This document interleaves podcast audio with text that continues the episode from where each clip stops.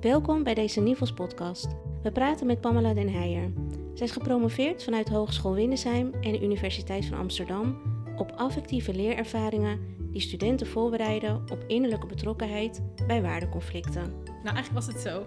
Toen ik deed die coachopleiding en toen zei mijn begeleider: Je kan heel goed voelen. En toen dacht ik eerst: hmm, Ik kom uit de academische wereld. Um, beetje gek dat je dit zegt. Tijdens haar onderzoek heeft ze gekeken naar wat het oplevert als je studenten op een gevoelslaag aanspreekt. Ik wil jou juist begeleiden in dat je je eigen kleur hebt en niet dat je gaat doen wat ik doe. Maar dat je daar gaat uitpikken wat goed voor jou is en uh, wat ten dienste komt aan nou ja, het werkveld waar jij uh, in zit. Mijn naam is Evita Lagewaard en samen met mijn collega Marco Martens ga ik in gesprek met Pamela Den Heijer. Vanuit haar rol als docent aan Hogeschool Rotterdam, onderwijsadviseur en haptotherapeut.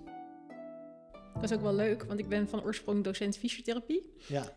Uh, tien jaar geweest. En um, ik werk nu in de praktijk van uh, twee oud-studenten van mij, van oh, uh, fysiotherapie. Ja. En ik vind het ehm, super leuk dat ik ertussen mag staan. En dat voelt voor mij ook alsof ik het goed gedaan heb. ja, het docentschap binnen de fysiotherapie, dat we nu gewoon naast elkaar kunnen staan. En sterker nog, dat zij eigenlijk mijn leidinggevende zijn nu. Ja. Ja, dus dat vind ik heel leuk. Wat tof. Je gaf les in fysiotherapie. Dat is nu breder.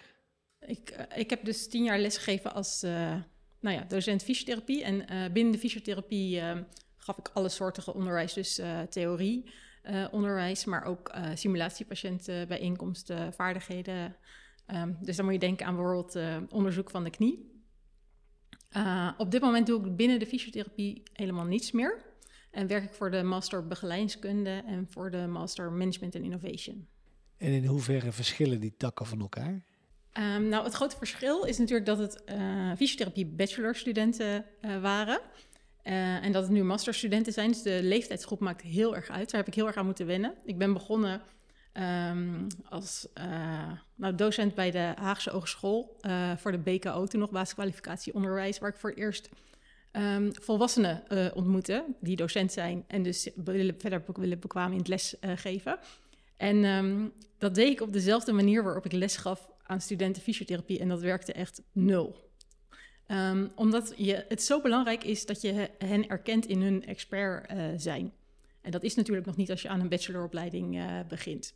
Dus daar zit voor mij het grote verschil. Dat het echt belangrijk is dat je de ander eerst erkent in zijn expertise dat je ze andere perspectieven kan laten zien vanuit waar jouw expertise uh, zit. En dat je eigenlijk samen gaat kijken van wat kunnen zij daaruit meenemen om datgene wat ze in de praktijk willen zo goed mogelijk te kunnen uitvoeren.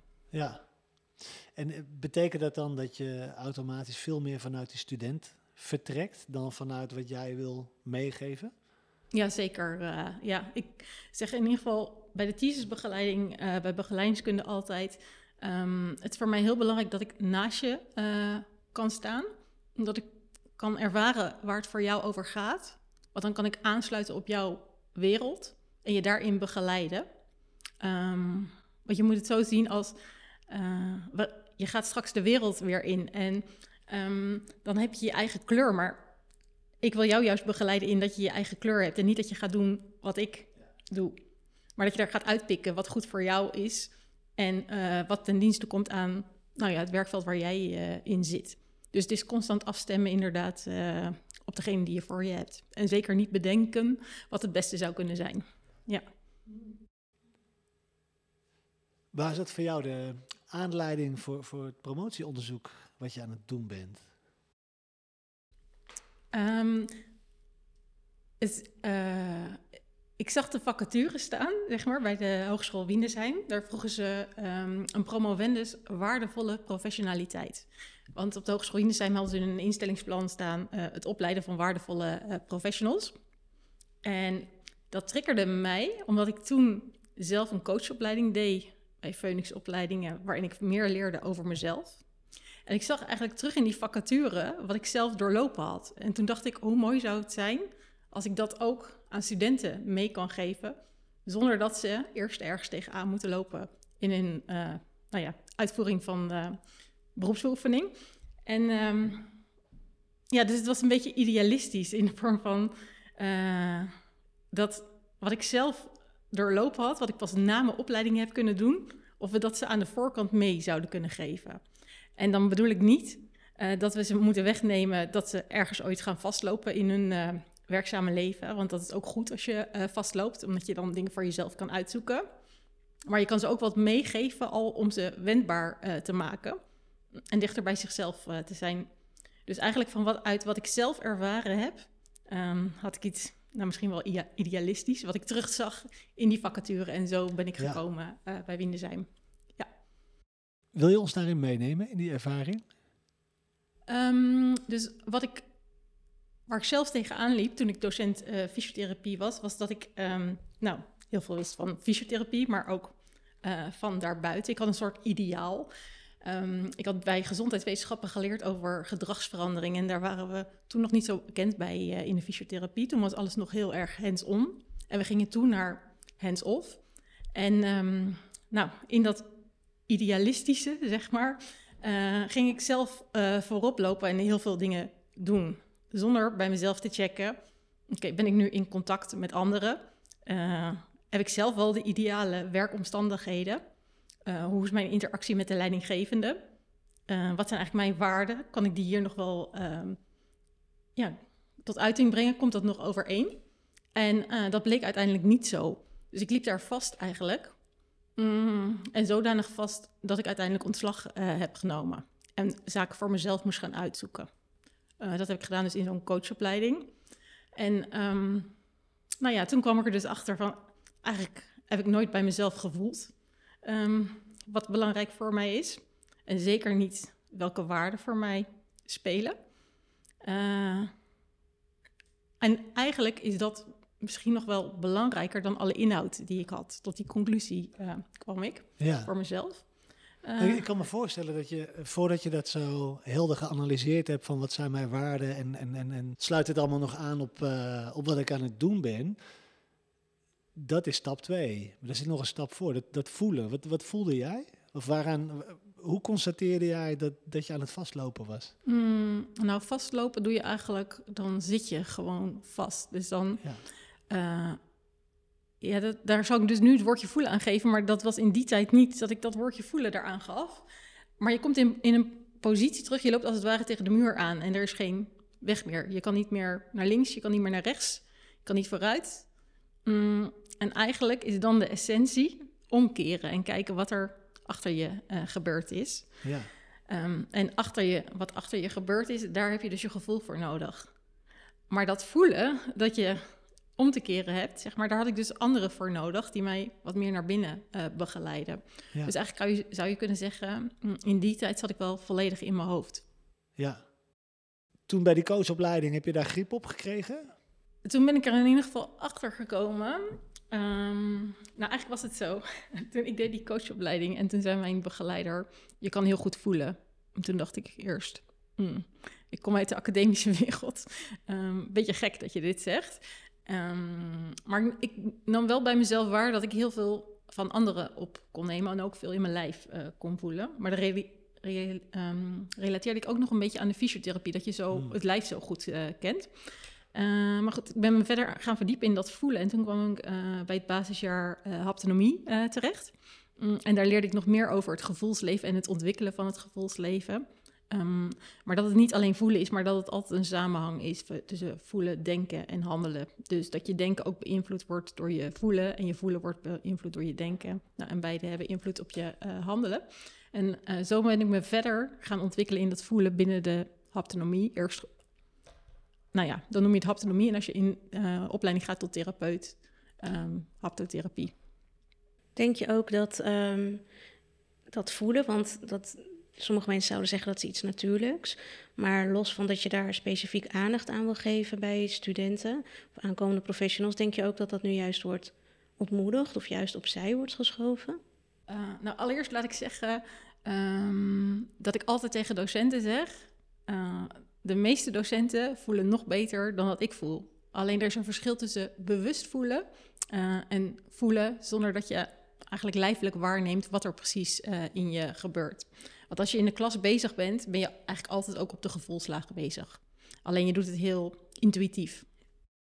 in ieder geval nu zit het weinig in het onderwijs. Dat komt ook door de uh, druk uh, die erop gelegd wordt. Mm, vanuit landelijk uh, perspectief met alle kwalificaties die er zijn. En dat de onderwijstijd die er is gevuld moet worden met inhoud om studenten mm, te kunnen begeleiden in het bekwaam worden van die kwalificaties die centraal staan. Um, maar daarnaast is het ook dat we eigenlijk ook niet gewend zijn om les te geven mm, op de gevoelslaag. Dus uh, binnen het onderwijs is er niet zoveel taal in. Waar gaat het nu eigenlijk over um, als we het hebben over de gevoelslaag? Dus uh, we kennen goed het cognitieve domein. We kennen redelijk goed het psychomotorische domein. Maar dat affectieve domein, daarvan weten we met elkaar... oké, er is een affectieve domein. Maar wat we nu precies verstaan onder dat affectieve domein... dat weten we eigenlijk niet. En dat is in de literatuur ook niet zo goed beschreven. Dus um, daarom word je in je opleiding als docent, mm, maar later ook als je, in de do uh, als je docent bent en je gaat je onderwijskwalificaties halen, niet meegenomen in hoe kan je die gevoelslaag uh, nu meenemen. Dus er zit echt wel een, een, gap daar. Wat heb jij daar in je onderzoek uh, voor inzichten in, in opgedaan? Nou, het allereerst um, heb ik ben ik erachter gekomen dat docenten het wel belangrijk vinden om op die gevoelslaag uh, te werken. Dus dat vond ik zelf al een belangrijk inzicht. Dus dat, er, dat we wel met elkaar zien eigenlijk dat het belangrijk is om te werken op die gevoelslaag. Uh, maar dat het ook voor de docenten zelf spannend is om op die gevoelslaag te werken. Dus hoe dichterbij het komt, hoe spannender het wordt.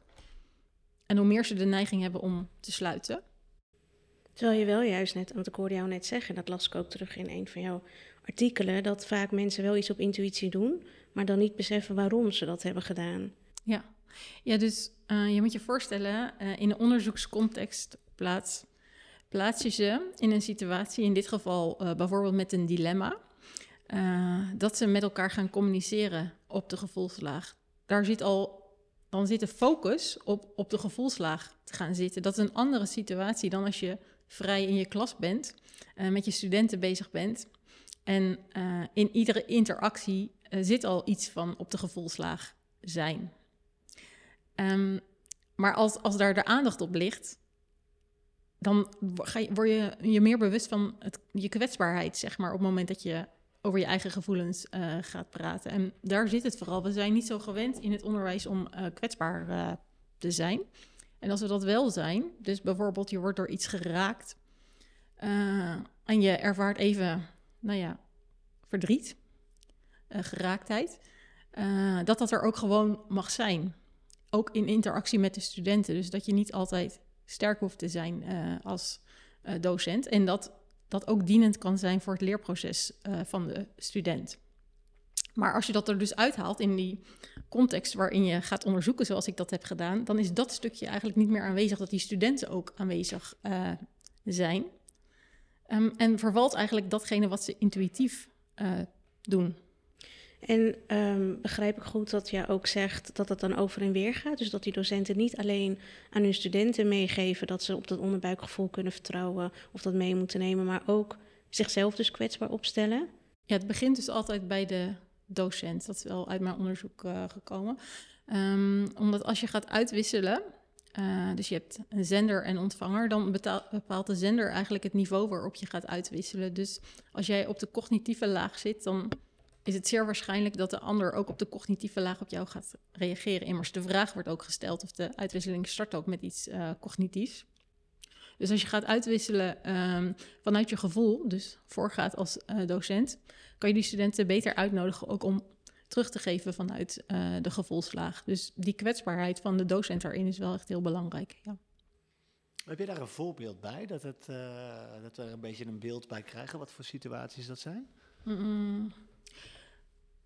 Nou, het handigste is gewoon om een voorbeeld te nemen van... Uh, ik gaf een workshop met een collega aan een aantal docenten.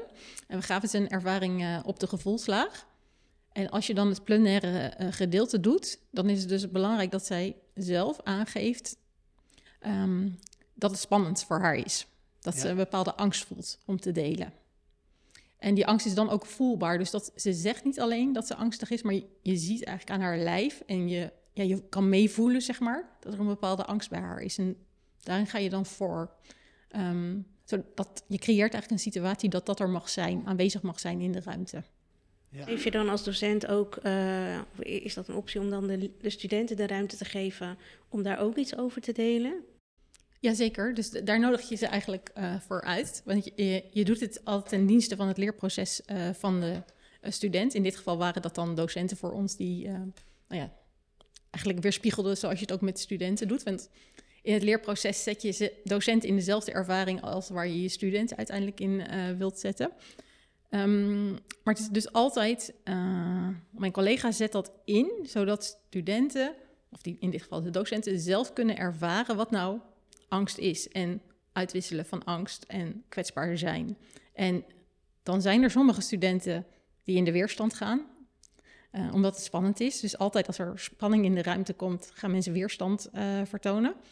Um, maar dat die weerstand er mag zijn, zeg maar, dan ben je ook al op de gevoelslaag aan het werken. Want ergens in die weerstand zit boos, bijvoorbeeld. Um, en als je zou zeggen, ik ga zitten op die weerstand, die mag er niet zijn, dan zeg je eigenlijk, boos mag niet in de ruimte zijn, terwijl dat ook uh, gevoel is. Dus eigenlijk ongeacht welke reacties ze geven, uh, kan je altijd op de gevoelslaag daarmee gaan werken. Maar dan is het wel belangrijk dat je als docent erkent dat dat, het dat, dat ook uh, op de gevoelslaag is en dat het er mag zijn. En dan komt er natuurlijk ook een stukje overdracht tegen overdracht. Dus dat je bij jezelf kan herkennen, wat doet dat met mij op het moment dat mensen zo in de weerstand uh, uh, gaan. En kan ik dat thuisbrengen wat dat bij mij raakt en even uit de ruimte halen of juist benoemen dat dat er uh, is. En als je dan kijkt naar de studenten, want het is ook zodat studenten later in het werkveld ook dat deel mee kunnen nemen. Hè? Dus dat ze niet puur beslissingen maken vanuit het denken, maar ook vanuit het gevoel. Uh, kun je daar voorbeelden van noemen, hoe dat zich later dan zal uiten in hun beroep? Nou, allereerst al bij de keuze om ergens uh, te gaan werken. Dus dat je niet uh, kijkt naar een vacature en denkt: oké, dit bedrijf heeft een bepaald aanzien, daar ga ik voor werken. Maar ook wat je ervaart als je in zo'n bedrijf komt en wat je ervaart in, met degene waar je het gesprek mee voert. Maar ook dat je dus kijkt naar de waarden die centraal staan in je eigen persoonlijke waarden. En daar zit dus het proces van voelen al voor, zeg maar. Dat voelen heb je nodig om uh, achter je eigen persoonlijke waarden uh, te komen. En die persoonlijke waarden zijn eigenlijk een soort van je innerlijke kompas op het moment dat je ergens in een organisatie uh, komt. En dat voelen zelf, zeg maar, dat kan je gebruiken in het moment. Dus wat vaak gebeurt is, nou stel wij zijn klaar met dit gesprek, dan gaan we met z'n drieën weer uit elkaar. En we hebben alle drie wel nog zo'n momentje, of we zitten heel erg in onze energie, uh, of je voelt een beetje van, hmm, wat gebeurde er daar nou eigenlijk? Of waarom ging ik nu achteruit, uh, halverwege? Uh, dat kunnen afpellen later, maar in het moment is eigenlijk nog mooier als je er in het moment achter komt en even kan benoemen dat dat gebeurt. Dat maakt ook dat je weer tot elkaar kan komen en verder in de diepte kan gaan. En kan komen waar het voor jou wezenlijk over gaat. En um, ik geloof ten diepste in de praktijk. Maar dat gaat dus niet over mijn onderzoek, maar dat is uh, mijn mening. Dat hoe concurrenter je bent met uh, je binnenwereld en dat wat je naar buiten uit, hoe minder kans je straks ook hebt om uh, ja, burn-out te krijgen of ergens vast te lopen. Dus dan kan je het voor jezelf herkennen. Dat maakt ook dat je beslissingen kan nemen die concurrent zijn met je binnenwereld en sommige dingen ook gewoon niet gaat doen. En ik zag ook dat jij um, iets benoemde in een van je artikelen over een situatie waarin eigen waarden en gevoelens dan botsen met een protocol, als je dus eenmaal ergens werkt. Um, wat kan ik me daarbij voorstellen? Uh, nou, dat, dat is wat tegenwoordig veel wordt geschreven in uh, het normatieve uh, stuk. Dus um, we leiden studenten vaak op met, er zijn bepaalde protocollen en richtlijnen. Mm, en overigens wil ik niet uitsluiten dat we dat niet moeten doen. Want ik ben echt van mening dat uh, om te leren redeneren heb je soms even een protocol nodig, zodat je kan begrijpen welke denkstappen er doorlopen uh, moeten worden. Maar het moet niet iets zijn wat je altijd gaat uitvoeren. Je moet in het moment met degene, nou, stel dat het een uh, beroep in de zorg is, met de cliënt of patiënt die je voor je hebt, altijd kunnen afwegen: kan ik dit voor mezelf verantwoorden. Dus wat voel ik erbij? En is dat ook ten dienste uh, van de cliënt? Uh, met andere woorden, is het protocol wat er nu is, klopt dat voor mij om nu te volgen in deze specifieke situatie met deze cliënt? En daar kan het antwoord nee op zijn. En dan kan je beargumenteerd op basis van wat je ervaart afwijken. Maar ja, dat, het is wel belangrijk dat je voor jezelf heel bewust bent dan op basis waarvan je gaat afwijken. Ja, ik dacht ook inderdaad aan de zorg, omdat ik zelf ook lang uh, in de zorgsector heb gewerkt. En ik denk dat je dat ook heel goed kan vertalen naar op school. Waar je dus met al die verschillende uh, leerlingen en studenten werkt. Dat je op dat moment ook kijkt, wat zegt het protocol en wat past nu het beste bij deze leerling. Klopt dat? Ja, dat klopt. Dus ik heb nu zelf een uh, voorbeeldsituatie daarin bij uh, de master begeleidingskunde. ik begeleid een, een student met haar thesis. Um, waarbij eigenlijk al vanaf moment één duidelijk is dat wat wij van ze vragen om een thesis te schrijven in woorden, dat dat niet gaat passen. Um, dat raakt haar zo dat er eigenlijk niks op papier gaat komen, omdat het het past niet bij haar stijl, maar ook niet waar ze voor staat als begeleidingskundige. Um, en dan vind ik het mijn verantwoordelijkheid om haar te kunnen begeleiden, dat ik ook open op een andere laag. Dus aan haar vraag van, maar wat zou voor jou wel een reële uh, optie uh, kunnen zijn? En ze kwam met een theaterstuk. Um, dus daarin neem ik eigenlijk haar situatie als uitgangspunt. Um, en wijk ik af van datgene wat eigenlijk geschreven staat in um, de afstudeerhandleiding. En dan kom je wel in een situatie terecht uh, waarin je uh, verantwoordelijkheid moet nemen. Dus dan kom je in het systeem uh, terecht waar allerlei eisen aan je worden gesteld. Dus dat, het heeft ook consequenties als je dat doet. Maar je kan daarmee ook openen, want um, uiteindelijk kan zij op een laag gaan werken, zeg maar, die haar meer gaat opleveren um, voor het werk wat zij beoefent of gaat beoefenen in de toekomst.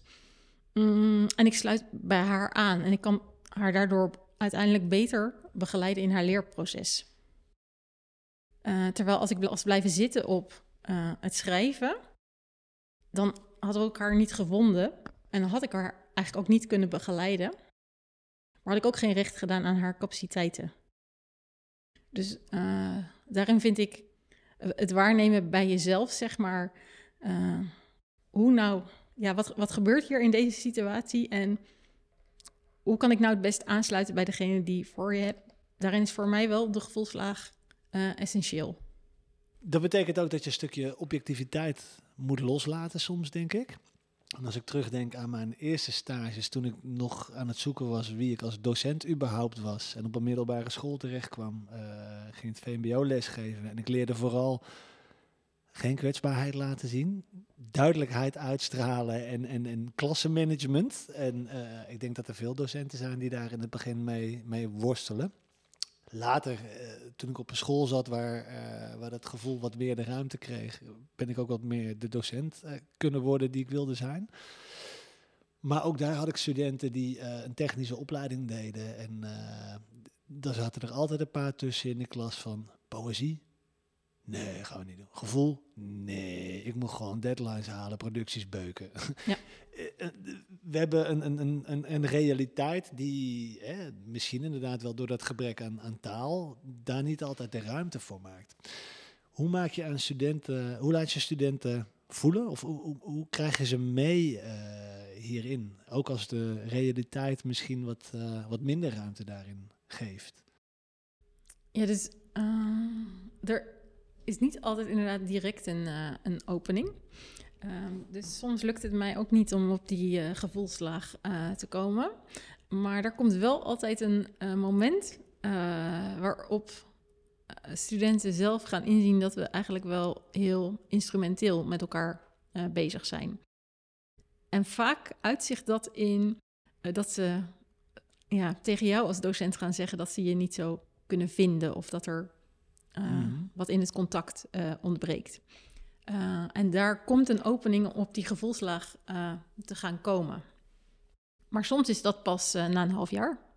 Dat klopt. En ja, daar gebruik ik dan toch, toch de term vanuit de coaching voor dat je ook eerst rapport moet maken. Dus dat je moet aansluiten op waar de ander is en daarin ook ja. volgen. Um, want er moet ook een bepaald vertrouwen uh, ontstaan. En dan kan er een moment komen, oké, nu is er voldoende vertrouwen. Nu kunnen we ook bij een stuk gaan komen waar het een beetje schuurt. Ehm, en daar dan uh, ja, echt bij stil te gaan staan. Wat zich daar in het hier en nu voordoet. Want dat hier en nu is heel erg belangrijk. Uh, dat het concrete situaties zijn. Dat we het niet gaan hebben over wat er in het verleden gebeurd is. Maar het doet zich altijd in het hier en nu voor. Want dan wordt het heel concreet. Hè? Dan kan je benoemen ook wat je waarneemt. Ja. en wat er bij jezelf gebeurt en wat er in de interactie gebeurt. Dat vraagt best wat tijd en, en, en, aandacht van jou om, om die momenten aan te voelen, aan te pakken. Hoe verhoudt dat zich tot het programma en, en, en, de kwalificaties die, nou ja, die, die je ook moet afwerken, behalen aan het einde van de module? Hoe, hoe ziet dat eruit? Um, ja, dus voor mij is daar wel een verschil in de soort opleiding waar je les geeft. Dus bij begeleidingskunde is er gewoon echt net wat meer ruimte dan... Um, bijvoorbeeld nu waar, bij management en innovation, waar ik ook les geef. In ieder geval het vak wat ik les geef. Dus misschien in andere vakken dat het wel kan gebeuren. Um, maar ik, ik, ik probeer in ieder geval um, het te gebruiken ten dienste van de eindkwalificaties. Dus bij begeleidingskunde geef ik les in um, handelend onderzoeken. Uh, en dan ben je als onderzoeker, als subject aanwezig. Dus je bent deelnemer. en ook deelnemer op de gevolgslaag. Dus wat ik dan doe, is de onderzoeksmethodologie uitleggen aan de hand van ervaringen die ik hen geef. En daarin een appel doen op wat zij zelf voelen. En daar dus ook aandacht aan besteden hoe je dat voelt. En dat vervolgens meenemen om uitleg te geven um, ja, hoe je dat nou eigenlijk verder doet, dat uh, onderzoek doen. Dus ik gebruik eigenlijk die gevoelslaag om te laten ervaren waar, waar het precies over gaat. En daarmee plaats ik het dus ook in de context van de doelen die behaald moeten worden um, voor deze leerlijn. Ja. Kun je ons eens meenemen in een voorbeeld? Dat, uh, ik kan me voorstellen dat, uh, dat er docenten zijn die naar luisteren en denken, ja, dit wil ik doen. Hoe, hoe bouw, je dat, bouw je dat in? Um, nou, in ieder geval voor de, dat handelend onderzoeken uh, en uh, het als subject aanwezig zijn tijdens je onderzoek, wat dus echt wat anders is dan mm, het soort onderzoek wat ik zelf heb gedaan, waarin ik als object uh, aanwezig ben, vraagt een bepaalde staat, een affectief ontvankelijke staat. Dat is dus een andere staat dan ook waar wij nu in zitten. Dus bij mij zie je van ik, ik zit nu iets naar voren en ik ben, uh, ja, ik reageer op jou. Maar eigenlijk als ik dan iets naar achter ga, ja, dan kan ik niet meer in de microfoon uh, ja. uh, praten. En ik ga wat verder in mijn lijf zakken, dan kom ik in een wat meer affectief ontvankelijke staat. En kan ik anders waarnemen wat er hier nu eigenlijk eh, gebeurt. En die staat, daar wil je in als je als onderzoeker, als subject aanwezig bent. Um, en dan uh, laat ik ze bijvoorbeeld op een ballon uh, zitten. Want als je op een ballon gaat zitten, dan kom je wat meer in je uh, bekkengebied. en um, vervolgens, nou, als we die oefening hebben gedaan, vraag ik ze om de hogeschool in te gaan en te gaan waarnemen. Wat nemen ze allemaal waar? Um, en dan merken ze ook dat ze andere dingen waarnemen dan Um, als ze niet op die ballon uh, hadden gezeten en dus niet in die affectief ontvankelijke staat was, uh, zouden zijn. En vervolgens ga ik wel door op weer um, nou, wat mensen kennen rondom onderzoek. Uh, dat je gaat kijken als je dan hebt waargenomen, wat heb je waargenomen, hoe kan je dat rapporteren? Maar dan gebruik ik dus die gevoelslaag als uitgangspunt om dingen duidelijk te maken. Ja, dus echt op die andere manier kijken. Toevallig hebben wij die oefening laatst ook gedaan tijdens de teamdag hier op die ballon zitten. En je ziet dan ook dat er best wel wat angst en weerstand Zeker. afhankelijk ja. is voordat je lekker zit op die ballon. Ja, dat klopt. Dus er is ook echt een verschil um, of je meedoet of niet. Dus ja. uh, ik heb ook een tijdje uh, de oefening aan uh, studenten gegeven en dat ik zelf niet meedeed.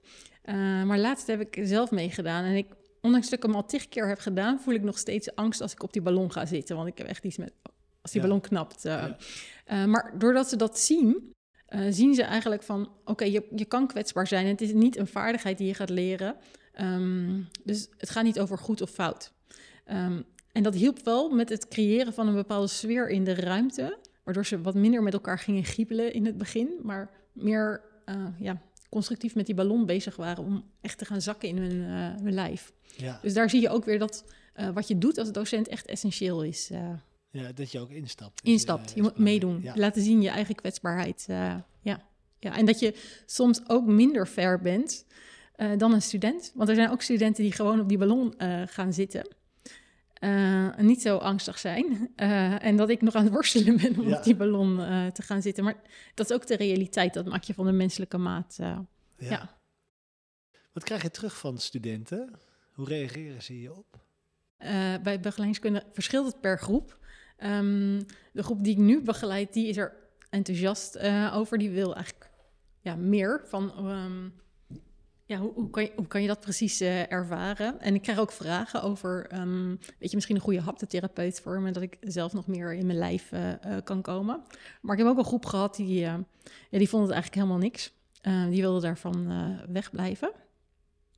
En ehm, wat er dan gebeurt is dat de mensen die mee willen, daar, die voelen wat minder ruimte om mee te gaan. Dus dat zie je ook niet gelijk of ze nou, ja, willen ze nou wel of willen ze nou niet. Die gaan je vaak individueel eh, benaderen dan. eh, ja.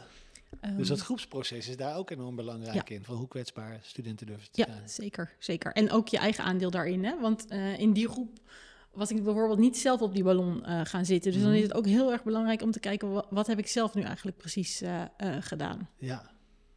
Ja, dus, dus bijvoorbeeld, ehm, we hadden in de eerste les daar, eh, ze waren gewend om met tafeltjes voor zich te zitten. En toen eh, hadden we de opstelling zo gedaan dat de tafeltjes niet voor hun stonden. En toen hadden een paar studenten wel een tafeltje gepakt en voor ze gezet. En ze kenden mij nog niet. En toen heb ik gelijk iets gezegd over dat tafeltje wat ervoor eh stond. Ja, dat, dat, daarin heb ik echt wel goed op mezelf moeten reflecteren. Ik wilde daarin iets laten zien wat een eh, object in de ruimte eh, doet. Maar ik had eigenlijk nog geen contact met ze. Ja. Ehm, dus daarmee heb ik eigenlijk ben ik voorbij gegaan aan eerst het contact maken. En heb ik dus ook iets geïnstalleerd. eh, dat er iets tussen ons zit, zeg maar. Ehm, ja, want er zit dus eerst een afwijzing. Precies. Ja. Ja. Dus ik heb eigenlijk precies waar ik voor sta, dat alles er mag zijn. Ehm, Ja. dat, daar ben ik niet concurrent in geweest. En dat krijg je gelijk terug. Of dat, en dat blijf je ook voelen, zeg maar, eh, in het hele eh, proces, in het proces dat je ze ziet. eh, ja. ja. En je zegt ook, hè, de student, het begint, of het begint bij de docent, eh, die neemt de studenten mee. En stel je bent daar nieuw in als docent en je wil dat gaan doen. ehm, en je gaat het lokaal en je hebt niet die ballon. Hoe ga je dan elke keer bij jezelf evalueren ook van blijf ik dit doen? En als je dat dan de ene les of de ene dag goed doet, hoe zorg je dat je daar op die manier in blijft staan? Ik denk dus dat het wel belangrijk is dat docenten eerst geprofessionaliseerd worden eh, daarin. Dus, eh, en daarmee bedoel ik dat ze zelf de eh, affectieve leerervaringen ondergaan. Omdat je eigenlijk gaat dit over van binnenuit weten, van, van binnenuit begrijpen. En dan kan je ook makkelijker wisselen in het soort oefeningen, omdat je weet waar het over gaat. Ehm, maar als je helemaal geen ervaring hebt, zeg maar, met ja, zelf naar binnen gaan, dan zou ik dat niet doen eh, als eh, docent, omdat je niet weet wat er in de klas eh, ontstaat, zeg maar, en hoe je daar dan op kan ja, reageren, anticiperen. Ik wil nog even terug naar de, de taal die nog ontbreekt. Want we hebben het eh, gehad over kwetsbaarheid, afwijzing noemden we net al. Ehm, er zijn plekken van die gevoelswereld die we kunnen aanwijzen met taal. Maar dat, eh, als het gaat om de verbeelding van waar het naartoe zou kunnen, wat het zou kunnen opleveren. Eh, je noemde net, je gaat op een andere manier kijken als je in die eh, ontvankelijke staat zit. Maar daar hebben we nog geen naam voor, voor hoe die manier van kijken dan, dan heet. Wat, wat ben je daar in je onderzoek in tegengekomen? Of heb jij iets van taal kunnen vinden daarvoor, om dat te duiden? Nou, in ieder geval, eh, als we het over affectieve taal hebben, dan heb je het op verschillende lagen eh, over affectieve taal. Dus je kan, ehm, uit mijn onderzoek is affectieve taal gekomen, waarin we in de onderzoekswereld met elkaar over affectieve leerervaringen eh, kunnen hebben. Dus woorden als interaffectieve leerervaring, interaffectiviteit, interaffectieve leerruimte. Daarvan, die waren er voorheen niet. Dus dan wisten we ook al niet met elkaar waar hebben we het nu precies ehm, over. Maar als we het over affectieve taal in het klaslokaal hebben, is het niet zo dat er een bepaald vocabulaire is. Ehm, affectieve taal is namelijk persoonlijk en eh, ontstaat altijd in de interactie. Dus om affectieve taal te kunnen ontwikkelen, hebben wij met elkaar uit te wisselen. Zodat ehm, als jij bijvoorbeeld uh, boos ervaart en ik ervaar angst en we wisselen daarover uit, dan ga ik iets herkennen van jouw boosheid, wat ik zelf niet zo goed ken. En dan kan het zijn dat ik in een volgende situatie kom waarin ik zelf ook ga ervaren van, oh, dit zou wel eens boos kunnen zijn. Ik voel dit in mijn uh, lijf. Dus dat betekent dat die interactie, die zorgt niet alleen voor dat er woorden gaan komen in de interactie met elkaar, maar dat er ook een soort innerlijke spraak ontstaat. Namelijk dat je kan gaan thuisbrengen wat je van binnen ervaart en daar taal aan kan geven. Dus daar waar je vroeger boos niet kon gebruiken voor bepaalde sensaties, kan je nu boos koppelen aan bepaalde uh, sensaties. Maar het is niet zo dat je een woordenlijst hebt van, uh, oké, we gaan eens kijken, uh, deze woorden zijn er allemaal en daar kunnen we op uitwisselen. Dat niet. Maar je kan natuurlijk wel voorgaan als docent in benoemen wat je ja. ervaart. Ja, dus dat je op het moment dat je in een gesprek zit met iemand en je voelt woede komen, dat je ook uitspreekt: Ik ben boos, in plaats van dat je denkt: Dit is nu niet gepast. Ik probeer dat te onderdrukken ja. en verder te gaan. Ja, precies. Uh, ja. En uh, ook met studenten zoeken. Dus um, soms heb je een student voor je en die is heel. Uh, die uit verdriet, maar je proeft daaronder. Mm, dat zou ook wel eens boos kunnen zijn in plaats van de tranen die nu getoond kunnen worden. En dat exploreren met die student.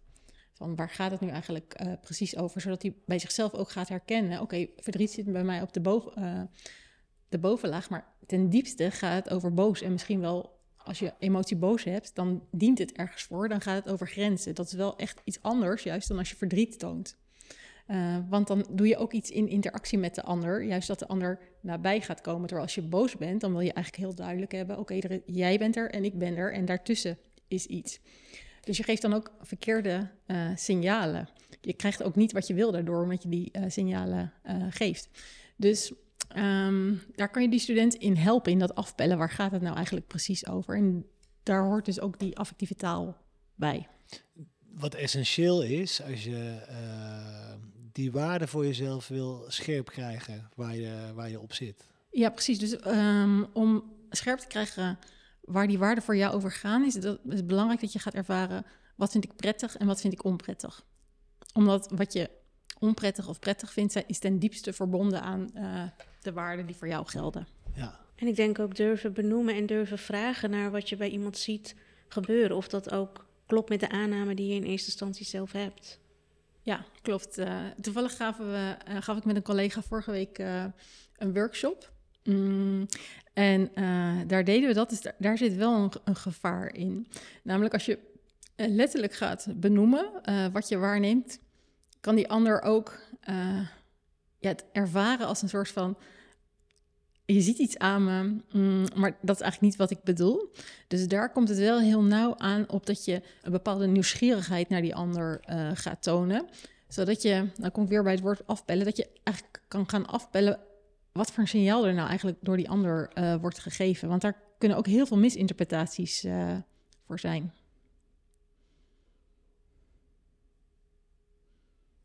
En in dat, uh, ik, zag, ik zag mijn collega dat noemen, was die collega haptotherapeut, die lang docent haptotherapie is geweest. En wat zij doet, is zij gebruikt heel veel dezelfde taal als diegene die je tegenover je hebt. omdat die taal is zo nou, zeg maar, als je je eigen woorden eraan uh, gaat geven, dan komt het al niet meer overeen met wat die ander uh, ervaart. Dus in ieder antwoord wat, die, wat diegene geeft, zeg maar, uh, steeds daar het woord uithalen waar het om gaat en dat proberen echt te verstaan. Waar gaat het nou voor die ander over?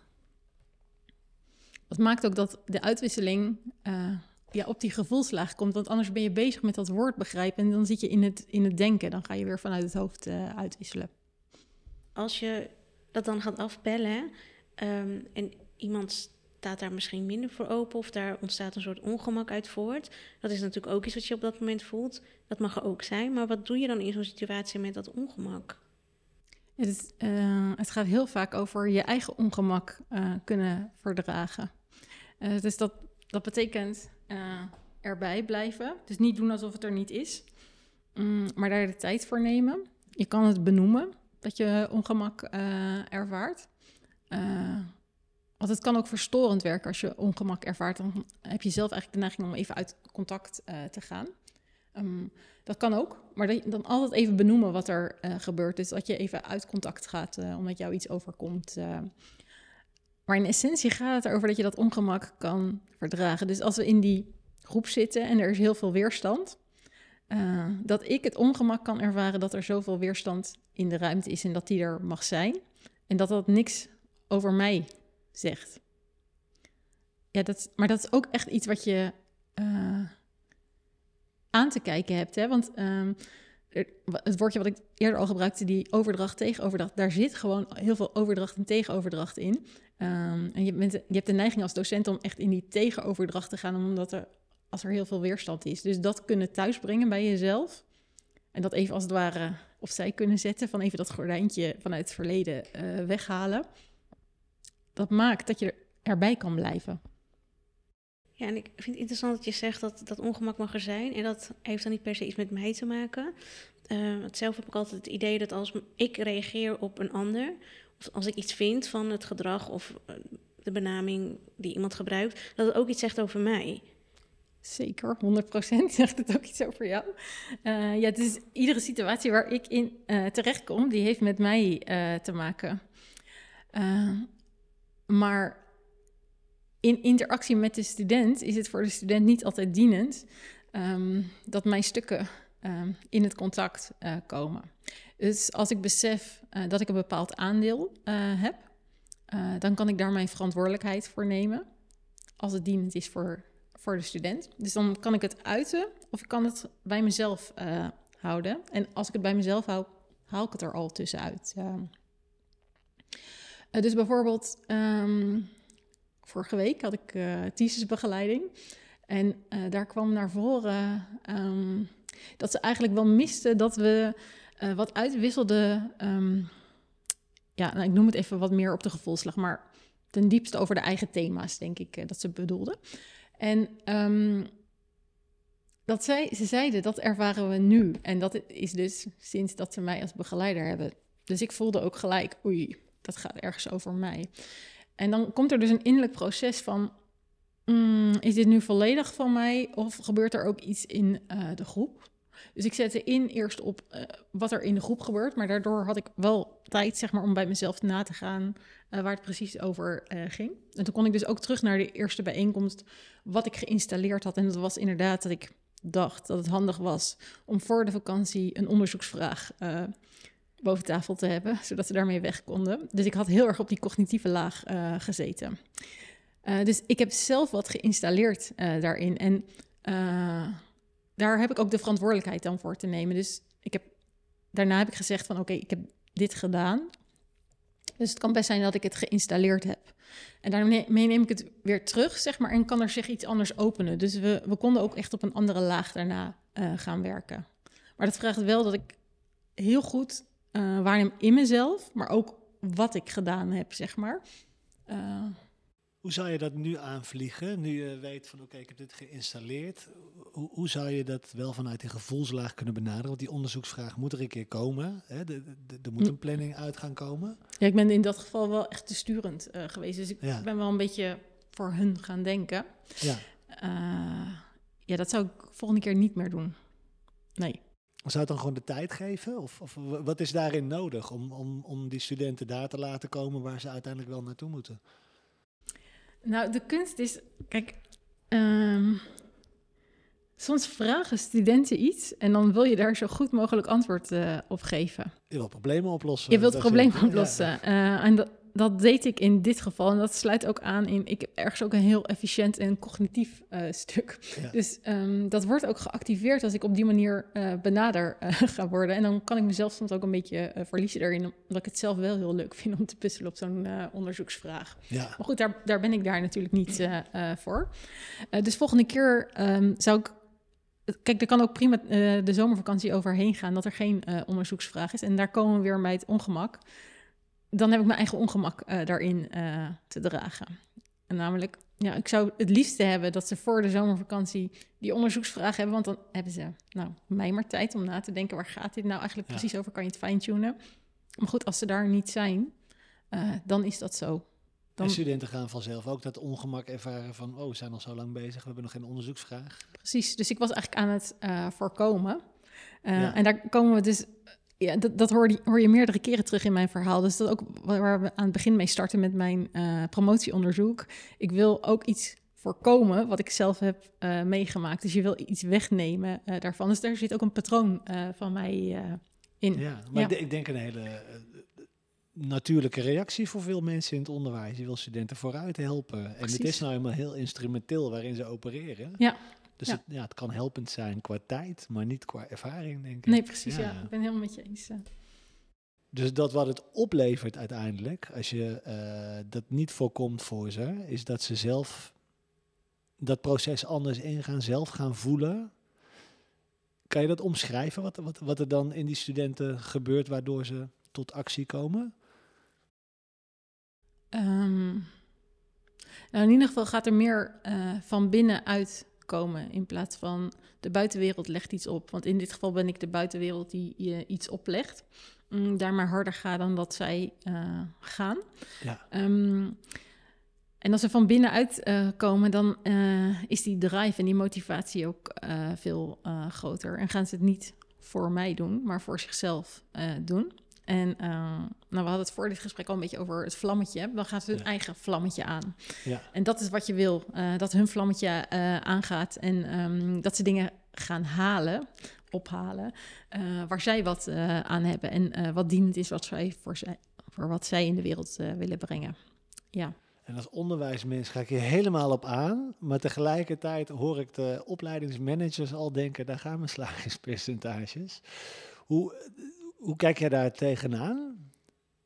Ehm, nou, vol- volgens mij eh, het, kan het juist zo zijn, zeg maar, dat het zich omdraait. Ja, als je vlammetje aangaat, Ik hoopte dat je dit ging zeggen. Ja, dan, ehm, dan wil je meer. Dus dan wil je er ook meer eh, voor gaan. Omdat je inziet wat het jou gaat opleveren en dat wat je in de wereld wilt brengen eh, gaat opleveren.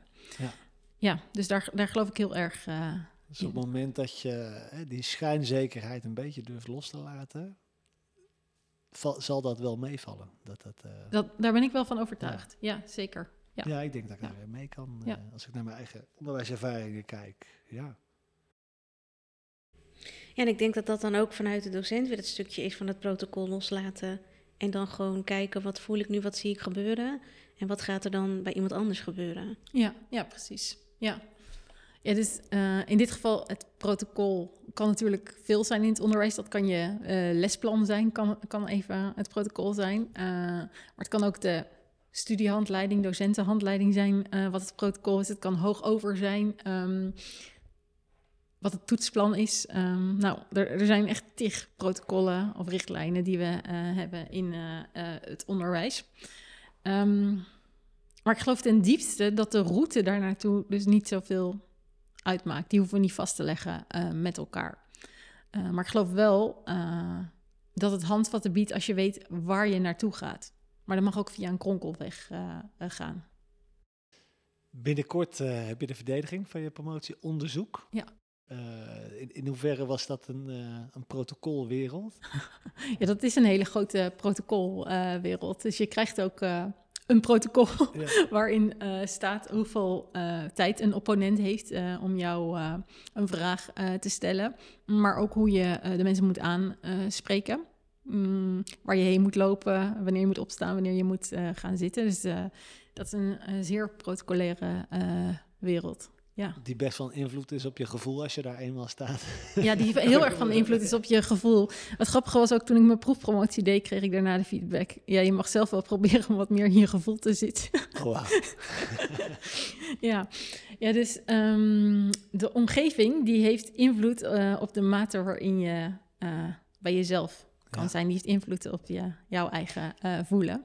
Ehm, en op het moment dat er te veel vanuit de buitenwereld wordt opgelegd... of eh, dat er een heel groot cognitief appel eh, op je wordt eh, gedaan... moet je wel van hele goede huizen zijn om heel dicht bij jezelf te blijven... en te zakken in de gevoelslaag. En op zo'n moment, als ik onder druk kom te staan, dan kom je eigenlijk terug op. Ieder mens heeft een bepaald grondpatroon. Hoe je reageert op een bepaalde situatie, ook vanuit de gevoelslaag gezien. Zet je verdriet in, zet je boos in, zet je blij in. Ehm, dus als ik zo onder druk kom te staan, is ook eerst mijn, mijn eerste neiging om. Nou, ik, ik kan ja, boos, zeg maar, is niet per se boos in de vorm van kwaad, zeg maar, maar dat is wel heel richtinggevend. Dus dan ben je heel erg gefocust op wat er eh, gaat komen. En als ik in zo'n situatie zit, krijg ik zo'n, uh, ja, uh, ga ik vanuit daar reageren. Dan word ik heel gefocust strak. ja. ja, en dan is het echt moeilijker om te zakken. Mhm. En heel breed te blijven kijken hoe de omgeving eruit ziet. Mm, wie er nog meer in de ruimte zijn. ja. ja. Ja, ik vroeg me dat ook af bij je onderzoek, want dat is natuurlijk ook ja, heel theoretisch om dit allemaal te onderzoeken. En hoe heb je daarin je eigen gevoel meegenomen? En denk je dat dat ook anders is dan iemand die dat uh, ja, niet mee zou nemen? Ja, dus um, ja, dat is een. Die vraag die, die roept natuurlijk verschillende dingen op. Dus ik kan er uh, als onderzoeker uh, antwoord op geven en als mens uh, achter de onderzoeker in de onderzoeker. Um, in het onderzoek en in het doen uh, van je metingen wil je gewoon zo objectief mogelijk blijven. Maar mijn proces als um, toen haptotherapeut in opleiding heeft wel parallel gelopen aan mijn onderzoek. Dus dat wat ik zelf ervoer in het, want eigenlijk gaat haptotherapie over het ontwikkelen van je eigen gevoelsleven. Uh, in de ontwikkeling van mijn eigen gevoelsleven maakte dat ik beter de fenomenologische literatuur um, kon lezen. Dus bijvoorbeeld, als er interaffectief uh, staat in de fenomenologische literatuur, had ik vroeger gedacht: inter, tussen, affectief, gevoel. Oké, gevoel tussen mensen. Uh, maar nu weet ik van binnenuit van gevoel tussen mensen gaat niet per se over dat we het hebben over een gevoel, maar er is een uitwisseling op de gevoelslaag. En hoe dat is van binnenuit, dat heb ik ervaren. Daardoor kan ik er wat meer taal aan geven om mensen uit te leggen waar gaat dat nou precies over. En dan weet je ook beter waar de leerervaringen over zouden moeten gaan dan als je er alleen over gelezen uh, hebt. Dus um, ik geloof er heilig in dat ik mijn onderzoek niet had kunnen uitvoeren zonder mijn eigen ontwikkelproces tot haptotherapeut. Maar het is niet zo dat in de metingen ik meegedaan heb um, vanuit de gevoelslag. Daarin ben ik wel echt objectief geweest. Um, en heb ik naar de, gewoon naar de feitelijke, naar feitelijkheden gekeken. Ja. Bovendien, mijn promotor en uh, co-promotor, uh, die zitten echt op. Um, mijn uh, promotor is um, hoogleraar uh, ICT in het onderwijs. Dus die zit heel erg op die cognitieve uh, laag. En wij wisselden altijd met z'n drieën uit um, over mijn bevindingen. Dus dan spreek je ook niet vanuit de gevoelslaag. Dan heb je het echt over wat heb je precies gezien en hoe kan je daar codes aan geven, bij wijze van spreken. Ja. Wat, je hebt ons meegenomen in deze wereld. Wat, wat hoop jij dat er, dat er concreet gaat ontstaan in, in onderwijsland? Wat, wat, wat, zou, wat zouden fijne vervolgstappen, belangrijke vervolgstappen zijn nu? Nou, wat ik hoop is um, dat we uh, met elkaar gaan inzien dat um, affectieve leerervaringen belangrijk zijn uh, voor uh, de studenten om ze voor te bereiden op de toekomst. En um, nou, om daar nog een concreet voorbeeld aan te geven. Uh, ik gaf dus vorige week een, uh, een lezing en uh, na mij kwam, of na ons, ik deed samen met een collega, um, Jan Rotmans. En het ging over transitie. En um, voor transitie heb je het onderwijs heel hard nodig um, om mensen anders te leren denken. Maar daarvoor gaat het over voelen, dat ze gaan voelen waar het precies over gaat. En hij zei, het gaat over zelfbewustzijn eigenlijk. En uh, daar geloof ik heel erg in. Dus dat we meer aandacht gaan besteden aan zelfbewustzijn in het onderwijs, in plaats van alleen te zitten op reflectie op situaties. Dus, en in zelfbewustzijn, daar zit um, voelen. En dat kunnen we aanbieden via affectieve leerervaringen. En um, zeker met het circulair denken, duurzaamheid, uh, al dat soort thema's, daar hebben we die gevoelslaag en dat zelfbewustzijn uh, voor nodig. Dus um, ik hoop dat zelfbewustzijn zorgt ervoor dat, die, dat je die taal ontwikkelt, waardoor je kunt reflecteren. Ja, klopt. Dus um, we hebben het altijd over reflecteren, maar voor reflecteren zit nog een fase, de pre-reflectiefase. Uh, en juist die pre-reflectie en die reflectie heb je nodig om te komen tot zelfbewustzijn. Dus het gaat nooit uh, zonder elkaar. Dus het is niet zo, ik pleit alleen maar voor uh, voelen, maar ik pleit voor voelen in combinatie met denken. Want denken heb je nodig ook om je gevoelens te kunnen uh, interpreteren. Ehm, maar inzetten op dat stukje zelfbewustzijn en daar het gevoel in meenemen. En daarmee dus ruimte creëren voor affectieve leerervaringen. Ik hoop dat ik dat uh, mee kan geven via mijn uh, onderzoek. En dat is ook ja, mijn verlangen. Daar wil ik me voor inzetten verder in het onderwijs. Mooi. Pamela, dankjewel. Ja, van harte.